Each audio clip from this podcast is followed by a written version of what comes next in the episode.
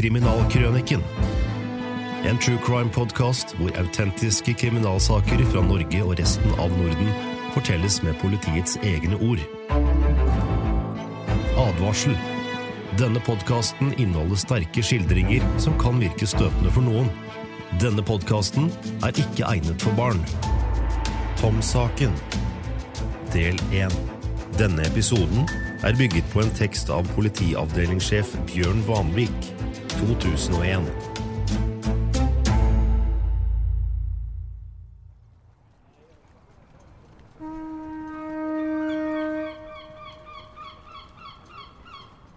Tananger er et lite tettsted i Sola kommune sør for munningen av Hafrsfjord, ca. 15 km sørvest for Stavanger.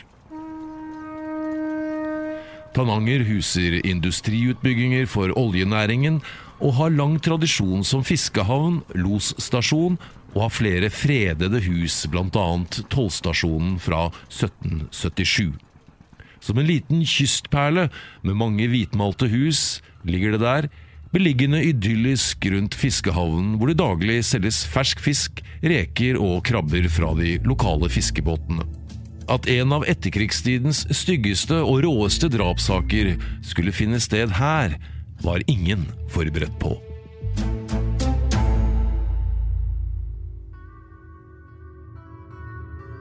Det første varselet kom inn til politiet 2. mai 1998 klokken 13.19.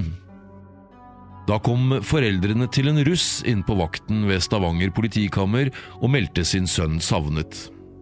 I meldingen, som ble utfylt på et standardskjema om savnede personer, var signalementet på sønnen følgende. Navn Tom. Høyde 175 cm. Hår kort blondt. Bygning kraftig. Fysisk tilstand god. Psykisk tilstand god. Iført noe usikkert, men han hadde med seg en blå russedress i en bag. Han var sist sett av faren da han forlot hjemmet den 30. april klokka 23.15. Videre var det nevnt at han var medeier i en russebil som befant seg i Kongeparken, hvor det denne helgen var russetreff, og at han hadde en avtale med en jente han skulle møte i Stavanger sentrum klokka 00.30 natt til 1. mai. Foreldrene forklarte at Tom ikke hadde møtt som avtalt i Kongeparken og heller ikke kommet til møte med jenta. Dette hadde kameratene til Tom ringt og fortalt faren om. Tom hadde aldri forsvunnet på denne måten tidligere, og faren var redd for at noe alvorlig hadde inntruffet. I vaktjournalen hos politiet kunne en lese følgende. Både faren og kameratene er engstelige for at noe skal ha tilstøtt ham. At en russ ikke møter opp til slike avtaler, er ikke unormalt i seg selv, og vi så ingen grunn til å iverksette ytterligere etterforskning ut fra foreliggende opplysninger. Vaktsjefen fant ingen grunn til å kalle ut ekstramannskaper, men som vanlig ble ordenspatruljen orientert, og de forsøkte å snakke med de personene som sist hadde sett Tom. Dette ga ingen nye opplysninger i saken, for politiet virket det på dette tidspunkt som om det var en russ som hadde uteblitt fra noen avtaler, noe som slett ikke er uvanlig i den alderen.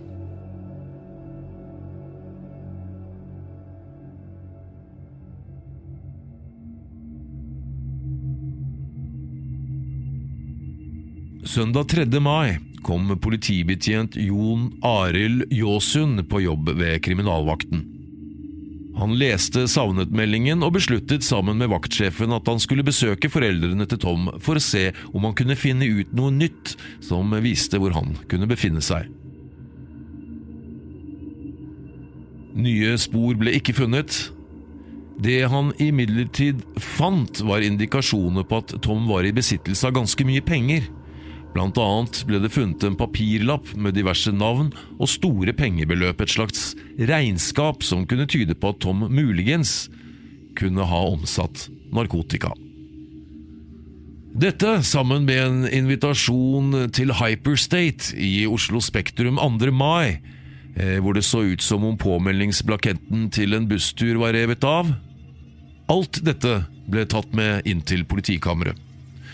Jåsund noterte seg også hvilken type og nummer Tom hadde på mobiltelefonen sin. Politiet snakket en god del med foreldrene til Tom. De fortalte at han den siste tiden hadde vært eh, noe merkelig og stresset. Selv hadde Tom sagt at det var mye rart som rørte seg inn i hodet hans, men han hadde ikke gitt uttrykk for hva det var. Det var ingenting som tydet på at han misbrukte narkotika. Tvert imot så var han en person som trente mye og var sportslig. Tom hadde alltid vært ivrig og jobbet mye ved siden av skolearbeidet. I den siste tiden hadde han hatt deltidsjobb på en Fina bensinstasjon som lå like nedenfor barndomshjemmet hans i Tananger sentrum. Den 30. april hadde han kommet hjem like etter at han hadde stengt stasjonen klokka 23.00. Foreldrene sa at det så ut som han hadde liten tid da han kom hjem. Etter en rask dusj hadde han pakket noe i en bag og nærmest løpt ut av huset. Det siste faren hadde sett til ham, var at han stanset litt lenger ned i veien i et lite kryss med en sti som fører ned til hovedveien, her sto han og snakket i mobiltelefonen, det er det siste faren så til sønnen sin før han forsvant ned gangstien. Politiet kontaktet Telenor Mobil, hvor de fikk opplyst at siste samtale fra Toms mobiltelefon var torsdag den 30. april klokka 23.15. Mandagen etter forsvinningen fikk ikke politiet flere opplysninger som kunne fortelle dem om hvor Tom var. Først neste dag kom det inn en del tips og opplysninger som tydet på at det kunne ha skjedd noe alvorlig. Onsdag den 6. mai fikk politiavdelingssjef Bjørn Vanvik i oppdrag av kriminalsjefen å se nærmere på saken. Lite visste han da at dette skulle føre til at han i de to neste månedene nesten ble boende på politikammeret.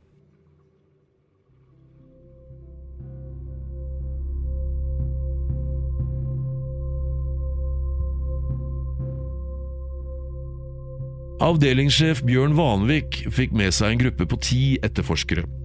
Avhør av aktuelle personer kom i gang, men det viste seg snart at gruppen hadde behov for mer personell. På det meste jobbet 30 personer både sent og tidlig med den nå såkalte Tom-saken. Politifolk ble sendt til Tananger for å oppsøke og la seg bli kontaktet av både ungdommer og andre personer. Man måtte få klarhet i hva folk visste, og om noen hadde opplysninger som var av interesse for saken. Politiet kontaktet skolen og snakket med medelevene til Tom.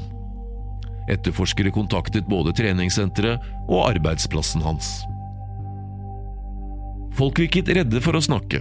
I samråd med politimesteren og kriminalsjefen ble det besluttet at det i den grad det var mulig, skulle opplysninger som ble gitt under bordet, ikke kunne bli brukt mot dem på et senere tidspunkt. Om det var mulig, skulle man slippe å stå fram og vitne i en eventuell rettssak senere. Det eneste som betydde noe, var å finne Tom. Dette hjalp. Folk begynte å snakke.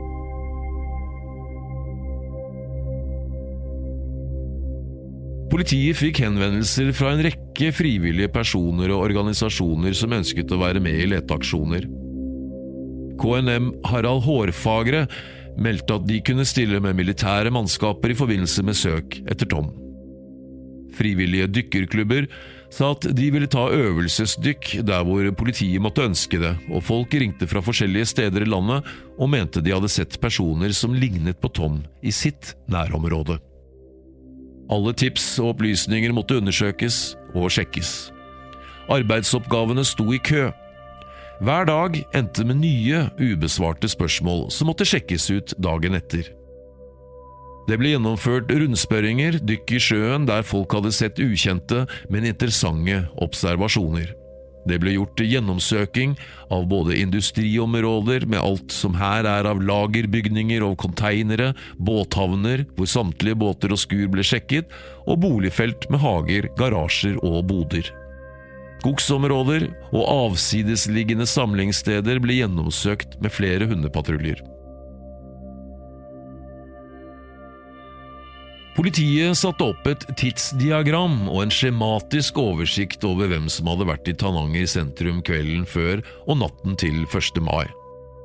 Dette ble satt opp og forsøkt kartlagt minutt for minutt. Samtidig begynte det nitidige, men særdeles nyttige utlistingsarbeidet av all mobiltelefontrafikk. I tillegg skulle aktuelle personer som hadde vært i Tananger av en eller annen grunn den kvelden, også avhøres. På denne måten kunne etterforskerne være systematiske og taktiske i det de foretok seg. Politiet begynte å ane et omriss av det som kunne ha skjedd, og jobbet seg sakte, men sikkert fremover.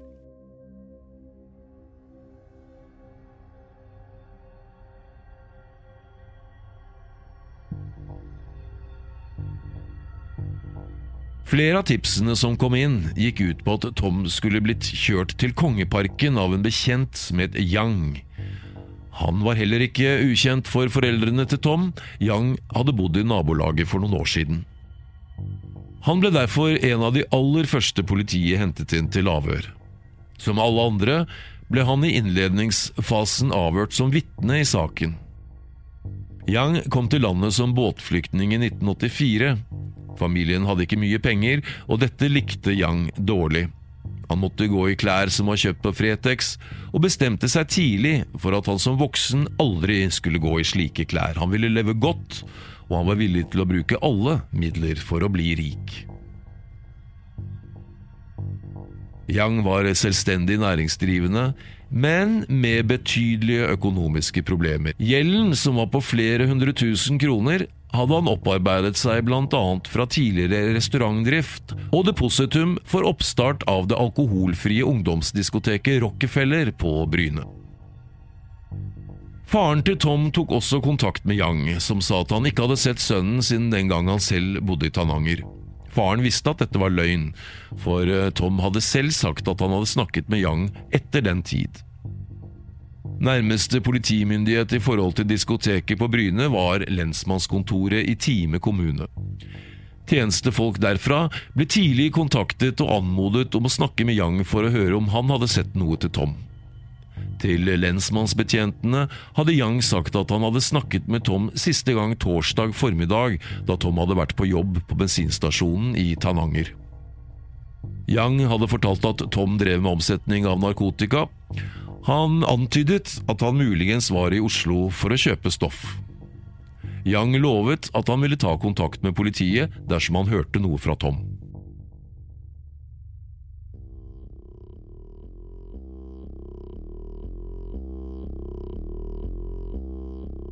En annen som tidlig pekte seg ut, var vietnameseren Koi. Han var knapt 17 år gammel på dette tidspunktet og han var også en av de som ble avhørt en av de første dagene. Koi kom til Norge da han var rundt seks år gammel. Da han var ni år, ble moren hans voldtatt og drept i hjemmet av en onkel i familien. Dette gjorde veldig sterkt inntrykk på Koi, som var svært knyttet til moren. I tiden etter denne hendelsen bodde han hjemme, men forholdet til faren var ikke som det burde.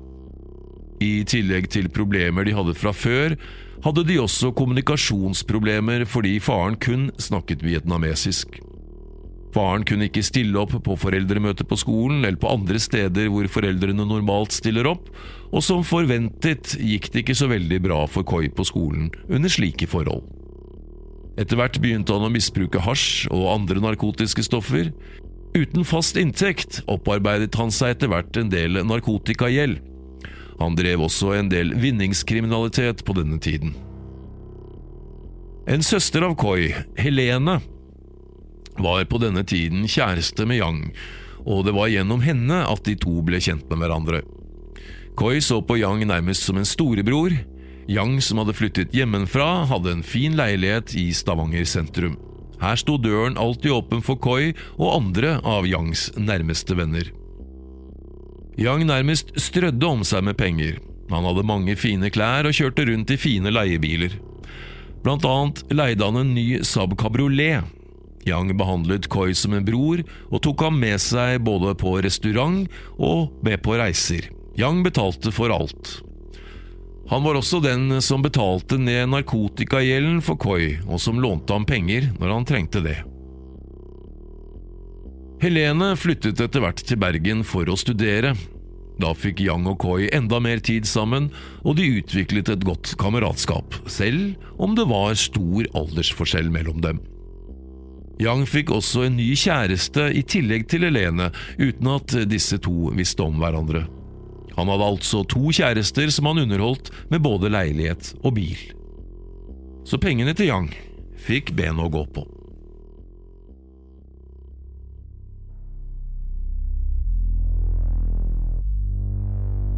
En som skulle bli sentral i etterforskningen, var Elias. Elias var en stor, kraftig bamse i midten av 20-årene fra Jæren. Han hadde vært et mobbeoffer mer eller mindre hele livet fordi han var så stor. Forholdet til faren var dårlig, de både kranglet og sloss. Selv da Elias var liten, fikk han gjennomgå av faren. Han ble alltid bedt om å holde seg vekk når de voksne snakket. En gang hadde faren regelrett slått ham ned og deretter sparket ham ned en trapp da han blandet seg inn i en samtale mellom foreldrene og bestemoren. Elias holdt seg derfor stort sett oppe på rommet sitt alene. Da Elias var 17 år gammel, ble han kastet ut av hjemmet av faren fordi han hadde sluttet på jordbruksskolen midt i skoleåret. Etter at han ble kastet ut hjemmefra, bodde han rundt omkring hos forskjellige bekjente.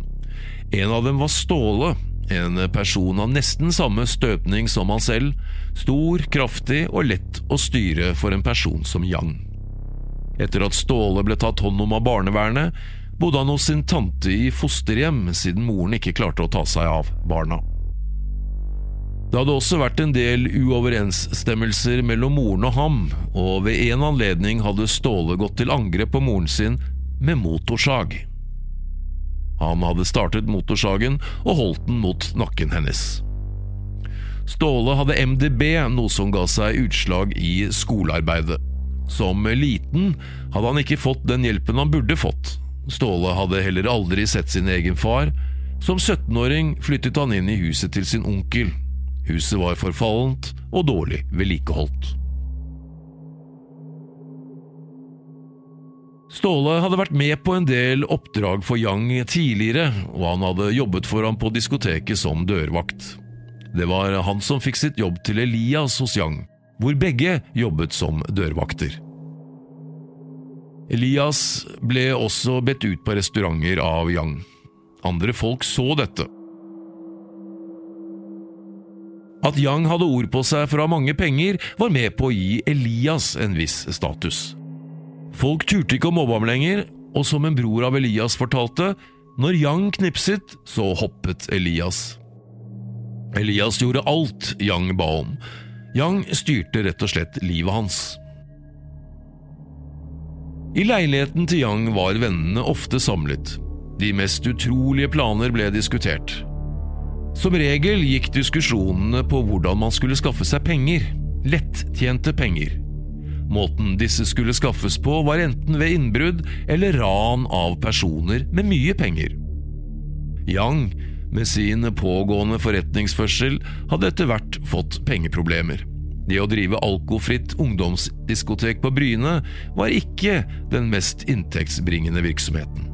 Hans idé om å tjene raske penger var å begynne med kriminell virksomhet. Han fikk sine medhjelpere, Elias, Ståle og Koi, til å iverksette planene sine. Yang visste om folk som hadde en del verdigjenstander som lett kunne omsettes, og Koi var med på å gjøre innbrudd disse stedene. Stedene som ble valgt ut, var hos folk som var ansatt hos Yang, eller fra de som Yang leide bilene av. Utbyttet tok han seg av. De som hadde vært med, fikk betaling etter hvor mye de hadde fått med seg av verdi. Alt ble delt etter en fordelingsnøkkel som Yang hadde satt opp. Han var den som arrangerte det hele, men var aldri selv med på selve innbruddene. Han holdt seg alltid på betryggende avstand, slik at han aldri risikerte å bli direkte innblandet selv.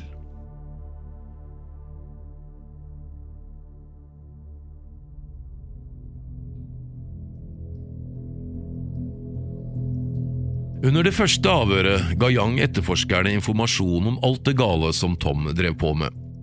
Han så også at Koi var en av dem politiet burde snakke med for å få flere opplysninger om hvor Tom kunne være. Yang måtte nødvendigvis stole på at Koi ikke ville komme med opplysninger, men gi en troverdig forklaring som politiet ville feste lit til. Politiet foretok avhør av Koi. Han fortalte at han kjente Tom i en to–tre måneders tid. Torsdag den 30. april hadde Koi vært på fest hos en kamerat på Tasta sammen med en del andre venner. Utpå kvelden hadde han reist til byen og dratt hjem til Yang. De hadde snakket om å reise til Bergen for å besøke søsteren hans i løpet av denne helgen, men først skulle han vaske på diskoteket Rockefeller etter at arrangementene var avsluttet. Han hadde fått Yang til å kjøre seg ut til Bryne like før midnatt. Han forklarte videre at han i et par timer hadde vasket på Rockefeller sammen med Elias. Etterpå hadde de to sittet og hørt på musikk inntil de sovnet, og neste dag hadde han reist hjem. Tom eh, hadde oppdaget at det å selge narkotika var en lett måte å tjene penger på. Målet hans var å skaffe seg nok penger til å kjøpe seg en bil, en Porsche. Tom brukte aldri stoff selv, han tenkte bare profitt. Selv om han hadde drevet med omsetning en stund og hadde klart å opparbeide seg en god del penger, hadde han unngått å bli tatt av narkotikapolitiet. Tom tjente penger på virksomheten sin, noe de ofte gjør som ikke selv er misbrukere. I tillegg hadde han et klart mål. Han jobbet mye, også som ekspeditør på bensinstasjonen i Tananger. Pengene han tjente her, sparte han også. Til sammen hadde han over 100 000 kroner. Han hadde også investert i aksjer eh, uten hell. Etter at han hadde tatt ut disse pengene, gjemte han dem i madrassen på gutteværelset. Yang trengte alltid penger. Fra før hadde han lånt penger fra det vietnamesiske miljøet gjennom et slags pyramidespill. Det var hans venninne Helene som sto for selve lånet. Pengene gikk til oppstarten av Rockefeller. I tillegg hadde han store utgifter på sitt private forbruk, et forbruk som var minst dobbelt så stort som inntektene fra driften av diskoteket Rockefeller.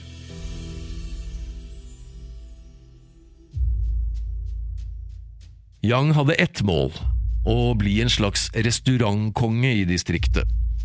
Ved hjelp av diskoteket Rockefeller skulle han bygge seg opp. Derfor var det viktig for han at diskoteket gikk bra. Han kunne ikke legge det ned, han ville i så fall ikke ha noe å vise til overfor de han lånte penger av.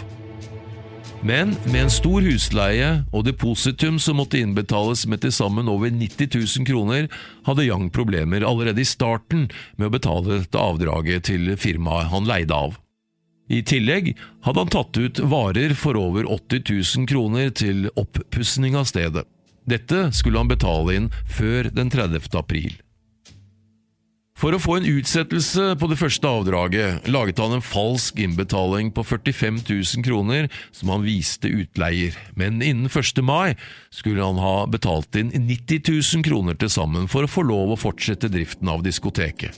Penger han ikke hadde. Dette var et stort problem for Yang. Så stort at han planla verre ting enn bare å begå innbrudd. Hjemme i leiligheten hans diskuterte kameraten hans å begå ran og likvidering av personer for å få fatt i penger. Tom hadde penger, nå var han savnet. Kunne han ha blitt offer for Yang og de andres kriminelle planer? Svaret får du i andre del av Tom-saken.